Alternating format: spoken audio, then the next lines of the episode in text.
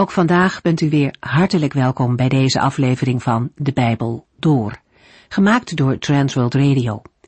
Voor meer informatie kijkt u dan op onze website transworldradio.nl. In deze serie gaat u in vijf jaar tijd met ons de Bijbel door, van Genesis 1 tot en met het laatste vers in Openbaring 22. In onze vorige uitzending lazen we drie psalmen en ik kijk nog even kort met u terug om de draad daarvan weer op te pakken. Psalm 114 blikt terug op de bevrijding van Israël uit Egypte en op de intocht in het land van God. De manier waarop de dichter het beschrijft geeft de grootsheid van de Here aan. De natuur en alles op aarde is onderworpen aan de almacht van God. Hij deed grote wonderen in de natuur om zijn volk in veiligheid te brengen. Deze psalm wordt ook wel een van de meest poëtische liederen genoemd. Overigens staat er niet direct een lofprijzing in. Er wordt beschreven wat de Heere doet en dat is aanleiding om stil voor hem te worden, om hem alle eer te geven. In Psalm 115 wordt het contrast weergegeven tussen de Heere en andere goden. De echtheid van de Heere God staat tegenover de machteloosheid van afgoden. Gods verhevenheid boven de goden die mensen maken is duidelijk. En ook al leven wij in een andere tijd waarin de afgoden van de volken van toen geen rol meer spelen, toch zijn er genoeg afgoden voor in de plaats gekomen. Goden die gevormd of bedacht werden door mensen zelf. Maar ze zijn echter niets in vergelijking met de Almachtige en met de levende God. De psalm begint met een duidelijke stelling dat niet mensen, maar God alleen de eer toekomt. En het is goed om vast te houden dat de Heere oneindig ver verheven is boven mensen. Juist in deze tijd lijkt het alsof mensen willen bepalen wie God is en wat hij wel of niet kan. Maar aan zijn almacht kunnen en mogen mensen niet tornen. In Psalm 116 uit de schrijver zijn liefde voor de Heere. Hij is gered uit doodsgevaar en getuigt daarvan in dit lied. Hij vertelt dat hij de Heere lof wil geven door de beker van verlossing op te heffen. Deze tekst uit de psalm krijgt een diepere inhoud wanneer we beseffen dat de Heer Jezus dit lied heeft gezongen op de avond voordat hij stierf. Hij moest die bittere beker van lijden drinken zodat wij nu een beker van verlossing mogen heffen. Het is mooi om deze psalm vandaag nog eens te lezen, met deze gedachte in het achterhoofd. We gaan verder met een korte psalm, 117. Psalm 117 is de kortste psalm in de Bijbel. Deze kortheid geeft, vanwege het gebrek aan omvang, nogal eens aanleiding tot opmerkingen maar de kortheid wordt ruimschoots goed gemaakt door de kracht van de boodschap. Niet alleen wordt hiermee het nationalisme van het oude Israël opzij gezet, ook worden alle volken die dachten dat zij de God van Israël kunnen negeren, aangesproken op hun plicht om hem te aanbidden. Psalm 117 is anoniem. Er werd volgens de Joodse overlevering gezongen tijdens het Pesach, als onderdeel van de Egyptische Hallel of de Egyptische lofzang, de psalmen 113 tot en met 118. Wanneer dit gebruik precies begon en hoe dat zich heeft ontwikkeld, is niet met zekerheid vast te stellen. Maar interessant is de geschiedenis in Esra 6, waar het volk voor het eerst na de ballingschap samenkomt om Pesach te vieren. Hierbij staat vermeld dat een groep niet-Joden deelneemt aan de viering. Aangezien in deze tijd, waarschijnlijk voor het eerst, grote groepen niet-Joden zijn aangesloten bij het Joodse volk en ook deelnamen aan het Pesach, is het mogelijk dat deze psalm in de tijd van Ezra speciaal voor deze viering werd geschreven, of als ouderlied met deze gebeurtenis werd verbonden. De Hallelpsalmen werden gezongen bij de drie grote feesten in Israël, namelijk op het Joodse paasfeest, Pesach, Pinksterfeest en het Loofhuttenfeest.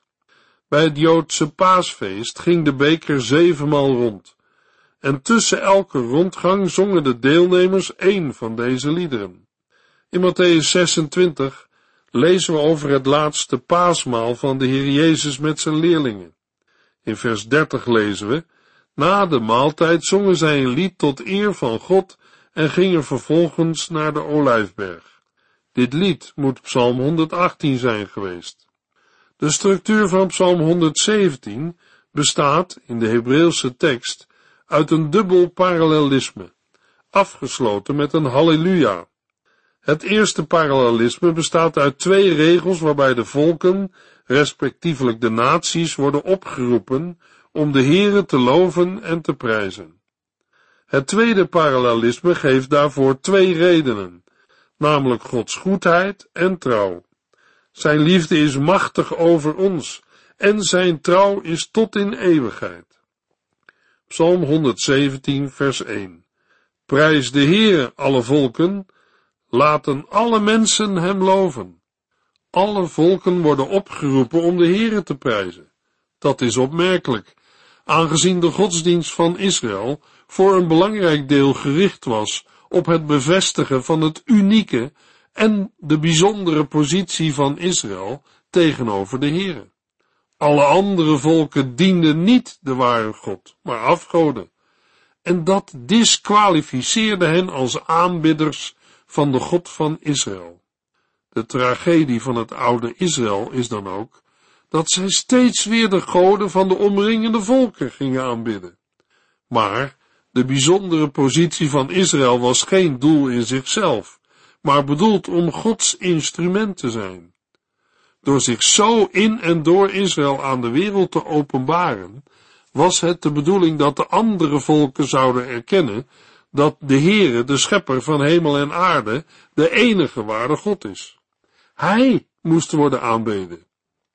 Psalm 117 vers 2 Want hij stort zijn goedheid en liefde machtig over ons uit. De Heer is trouw tot in eeuwigheid. Prijs de Heere. Heel de wereld kan Gods goedheid en liefde waarnemen en ervaren. In Matthäus 5 vers 45 verwijst de Heer Jezus naar Gods goedheid in de vorm van zonneschijn en regen voor alle mensen. Verder hebben de volken kunnen zien hoe de Heere zijn goedheid voor Israël in de praktijk uitwerkte. Ook niet-Israëlieten uit het Oude Testament hebben Gods goedheid mogen ervaren, namelijk Lot, Rut en de bekeerde inwoners van Nineveh. Maar dat alle volken Gods goedheid en verbondstrouw ervaren, in tegenstelling tot alleen maar zien in de natuur en bij Israël, is een gedachte die in het Oude Testament gereserveerd is voor de toekomst. Bijvoorbeeld in Zacharia 8 vers 22 en 23. Op grond hiervan lijkt ons alleen betrekking te hebben op Israël en worden de volken opgeroepen dat te erkennen. Deze goedheid van de Heere was machtig over Israël. Daarbij kunnen we denken aan Gods liefde voor Israël, zoals die toen werd ervaren, maar ook aan de bevrijding uit Egypte, en sinds de tijd van Ezra aan de Exodus uit Babel. In het Nieuwe Testament wordt duidelijk dat het evangelie er is voor iedereen die gelooft. En hoewel historisch gezien de volgorde zo is dat het eerst voor de Jood is en daarna voor de Griek, de niet-Joden, is er uiteindelijk in Christus geen verschil meer tussen beiden. In die zin dat beide door hetzelfde geloof in dezelfde Christus vrede met God kunnen en mogen ervaren. In vers 2 vinden we nog een tweede reden om de Heere te loven. De Heer is trouw tot in eeuwigheid. Gods eeuwige waarheid en trouw moeten weerspiegelen in zijn volk Israël. Vandaag geldt de opdracht om heilig te zijn niet alleen voor Israël, maar ook voor de nieuwtestamentische gemeente en gelovigen. De profeet Hosea stelt het gemis van waarheid en trouw aan de orde. In Hosea 4 vers 1 en 2, waar de aanklacht van de Heere luidt, er is geen trouw, liefde of kennis van God in uw land. Vloeken, liegen, moorden, stelen en echtbreken is aan de orde van de dag. Bij mensen is trouw hoogstens tijdelijk, maar bij de Heere is trouw tot in eeuwigheid. Het wil ook zeggen dat de Heere niet verandert en tot in eeuwigheid betrouwbaar blijft. Psalm 117 sluit, net als de vorige liederen, af met prijs de Heere of halleluja. In Psalm 117 wordt ieder mens en ieder volk aangespoord de God van Israël te loven en te prijzen. Want iedereen kan zijn daden waarnemen. Het heil was in de tijd van het Oude Testament voornamelijk zichtbaar in Israël. Individuele vreemdelingen mochten zich daar wel bijvoegen, maar Israël nam als Gods speciale verbondsvolk een aparte positie in. Toch voorziet het Oude Testament een tijd dat alle volken de Here zullen vereren. In het Nieuwe Testament spreekt Paulus over het feit dat in Christus er geen afstand meer is tussen Gods volk en u, zodat iedere gelovige, ongeacht afstamming, door Christus deel heeft aan de genade. We gaan verder met Psalm 118.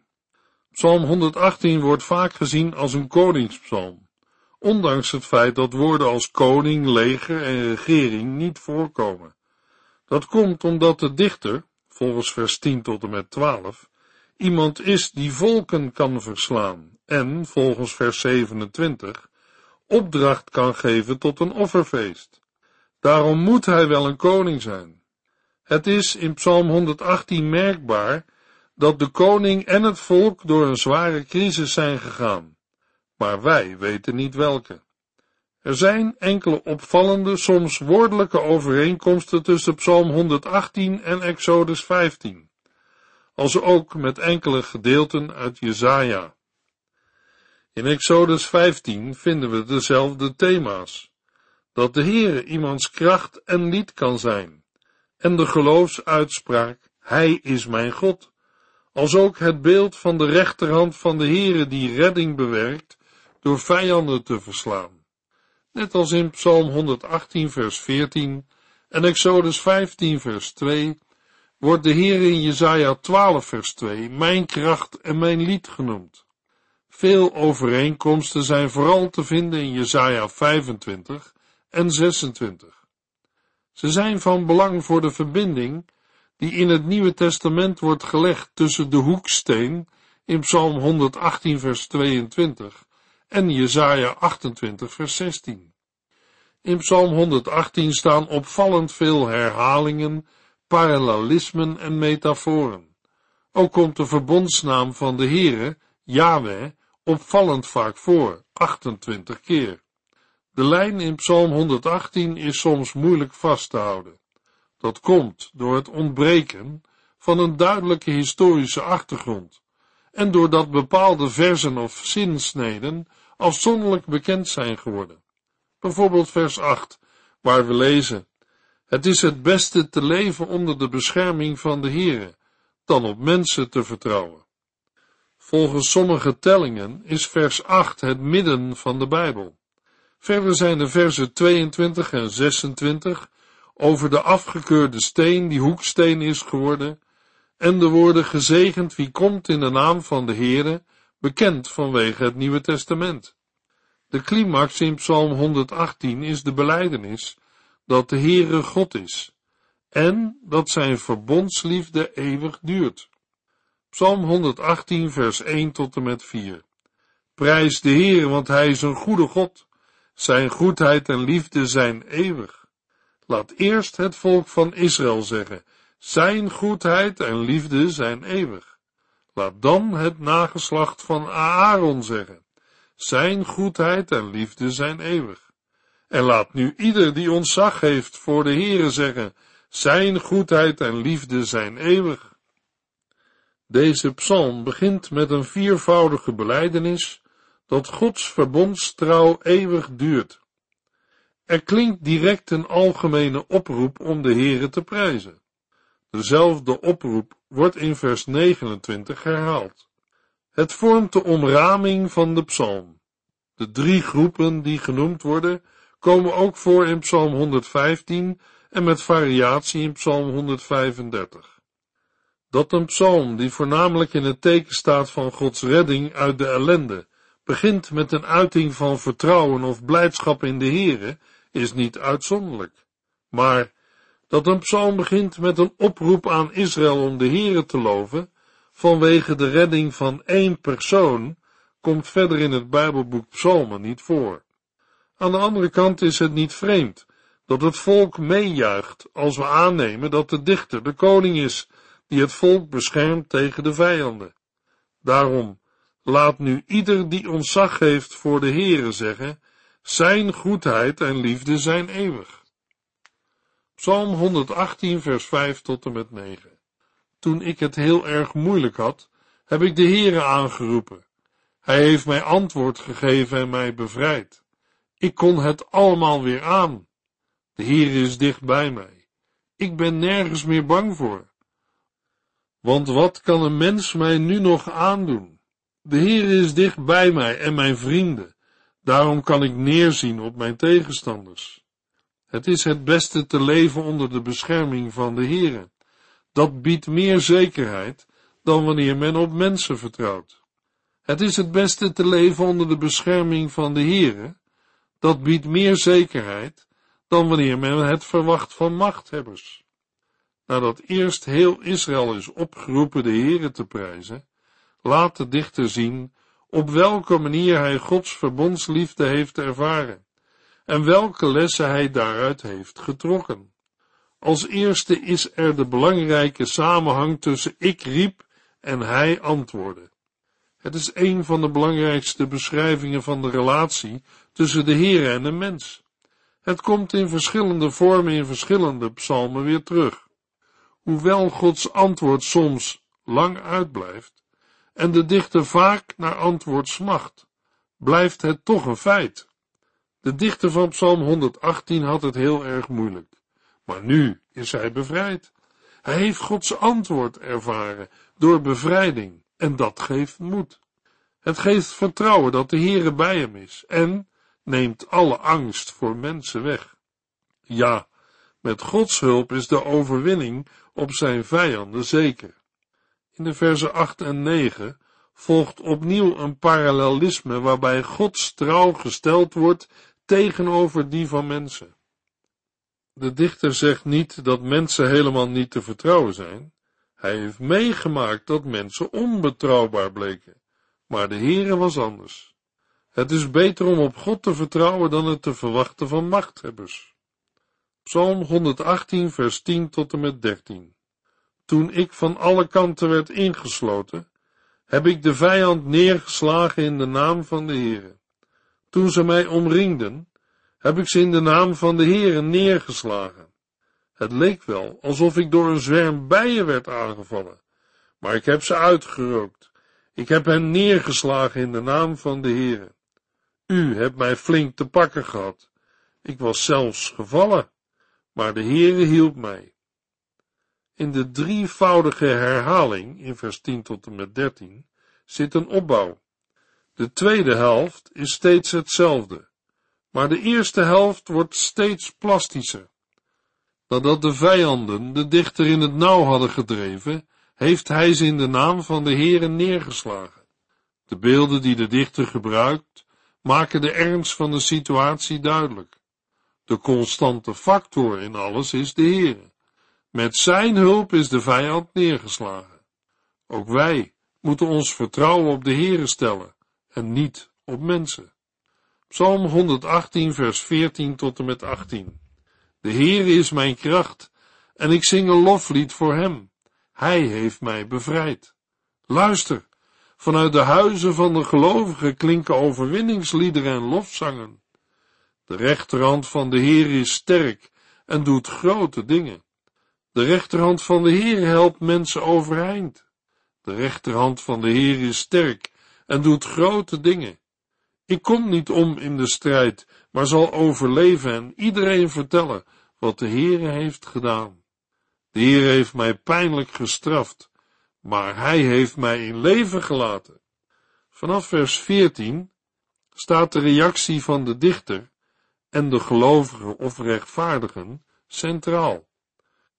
De uitspraak, ik zing een loflied voor hem, kan het beste worden opgevat als, de Heere heeft mij een reden gegeven om te zingen.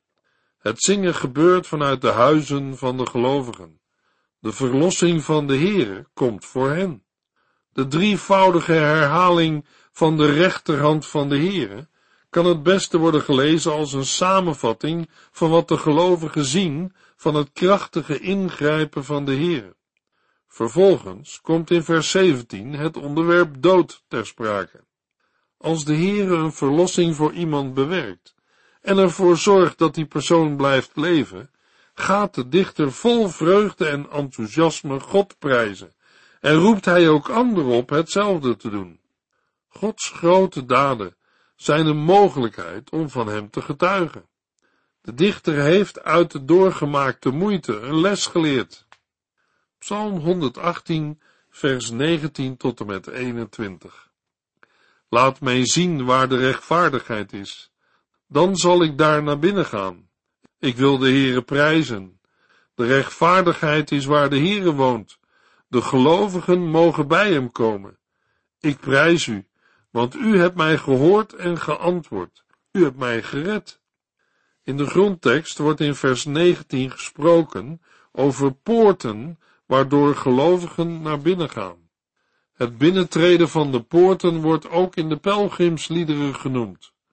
Daarna wordt verduidelijkt over welke poort de dichter het heeft. Daar waar de Heere woont. Dat kan een poort van de stad Jeruzalem zijn of van de tempel. De psalm bedoelt de stad van God en zijn woonplaats. In vers 20 wordt aangegeven wie bij de Heere mogen komen, de gelovigen. Daarna volgt een samenvatting van datgene wat de dichter aankondigde te gaan doen, namelijk God danken. Psalm 118, vers 22 tot en met 25. De steen die door de bouwers was afgekeurd, is juist de hoeksteen geworden.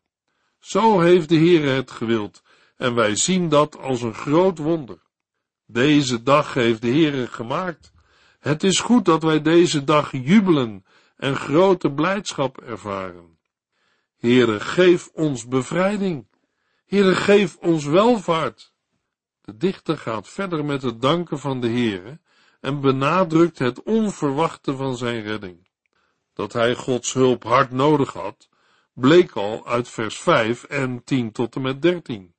Blijkbaar is Gods redding op het laatste moment gekomen. De dichter zag zichzelf als een afgekeurde bouwsteen, maar de afgekeurde steen krijgt een bijzondere bestemming en wordt een hoeksteen. Dat dit gebeurt, is duidelijk het werk van de Heere. Hij kiest vaker voor dat wat mensen afkeuren. Dat handelen van de Heere geeft verwondering bij hen die het zien. Vers 22 is vooral bekend geworden omdat de Heer Jezus het vers citeert in Matthäus 21, vers 42. Ook de apostel Petrus citeert de psalm in 1 Petrus 2, vers 6 tot en met 8. In de boeken staat het zo, ik plaats een steen als hoeksteen in Sion, een kostbare steen die ik heb uitgekozen, en wie op hem vertrouwt, wordt niet teleurgesteld. Voor u die op hem vertrouwt, is hij kostbaar. Voor mensen die niets van hem willen weten, geldt wat in de boeken staat. De steen die door de bouwers was afgekeurd, is juist tot de hoeksteen geworden. Zo is Christus niet alleen de onmisbare hoeksteen geworden, hij is ook de steen waarover men struikelt en waaraan men zich stoot. Dat laatste geldt alleen voor de mensen die niet naar hem willen luisteren, die weigeren hem te gehoorzamen. Het ligt dus voor de hand dat zij zullen struikelen. Opvallend is dat in vers 25 de psalm overgaat in een kort smeekgebed. Juist nu alles goed gekomen lijkt te zijn. Mogelijk wil de dichter het besef laten uitkomen dat een eenmalige redding door de Heer in deze wereld niet voldoende is. De voortgaande redding van de Heere blijft noodzakelijk. Psalm 118, vers 26 tot en met 29. Gezegend hij die komt in de naam van de Heere. Wij zegen u vanuit het huis van de Heere. De Heere is onze God. Hij zorgt ervoor dat wij in het licht kunnen leven. Zet de lofoffers maar vast klaar naast het altaar. Bind ze eraan vast. U bent mijn God. Ik zal u prijzen. Mijn God, u bent de Allerhoogste. Prijs de Heere. Hij is een goede God. Zijn goedheid en liefde zijn eeuwig. De resterende versen geven iets weer van het feest dat ter ere van de Heer wordt gehouden. Er wordt een zegen uitgesproken over hem die komt in de naam van degene voor wie het feest wordt gehouden. Deze zegen komt vanuit het huis van de Heere. Iedereen kan zien dat de Heere Israël heeft gezegend. In het geval van Psalm 118 door een militaire overwinning en bevrijding van de vijanden. Het vervolg gaat over de reactie van het volk op Gods houding, namelijk het brengen van een feestoffer. De afsluiting van Psalm 118 begint met een persoonlijk getuigenis, waarin de dichter tot tweemaal toe de Heere benoemt als mijn God. De psalm sluit af met dezelfde woorden als waarmee hij is begonnen. Prijs de Heere. Psalm 118 speelt een belangrijke rol in het Nieuwe Testament. Daarin wordt duidelijk dat Jezus zich de psalm eigen heeft gemaakt en hoe het beeld van de steen die uiteindelijk werd gebruikt als hoeksteen in de vroeg-christelijke gemeente is opgevat. We zagen al dat vers 26 een prominente plaats heeft gekregen, namelijk tijdens de intocht in Jeruzalem, in Jezus' laatste week voor zijn kruisdood en opstanding. Jezus zong Psalm 118 op de avond van zijn gevangenneming. Psalm 118, vers 17 geeft aan dat de dichter niet zal sterven, maar leven. De heiland wist dat hij wel zou sterven, maar daarna ook weer zou opstaan uit de dood. In Matthäus 23 geeft Jezus aan dat het ongelovige Jeruzalem hem niet meer zal zien totdat men zegt, gezegend is hij die komt in de naam van de Heere. Die begroeting is in Psalm 118 en ook tijdens de intocht in Jeruzalem positief bedoeld. De woorden houden een welkom in voor de Messias. Er blijft hoop voor het volk Israël. In de volgende uitzending lezen we verder in het Bijbelboek Psalmen. Dan is de langste psalm aan de beurt, Psalm 119. U heeft geluisterd naar De Bijbel door, in het Nederlands vertaald en bewerkt door Transworld Radio. Een programma waarin we in vijf jaar tijd de hele Bijbel doorgaan. Als u wilt reageren op deze uitzending of u heeft vragen, dan kunt u contact met ons opnemen. Tijdens kantooruren kunt u bellen op 0342 47 8432 0342 47 8432. Ook kunt u een e-mail sturen naar de en natuurlijk kunt u ook via de post ons bereiken. TWR, postbus 371, postcode 3770, AJ in Barneveld. Dit programma werd gepresenteerd door Cor Weda en Ike André. Techniek was in handen van Odin van Voorkom. En wij allemaal bedanken u voor het luisteren. Graag tot de volgende keer.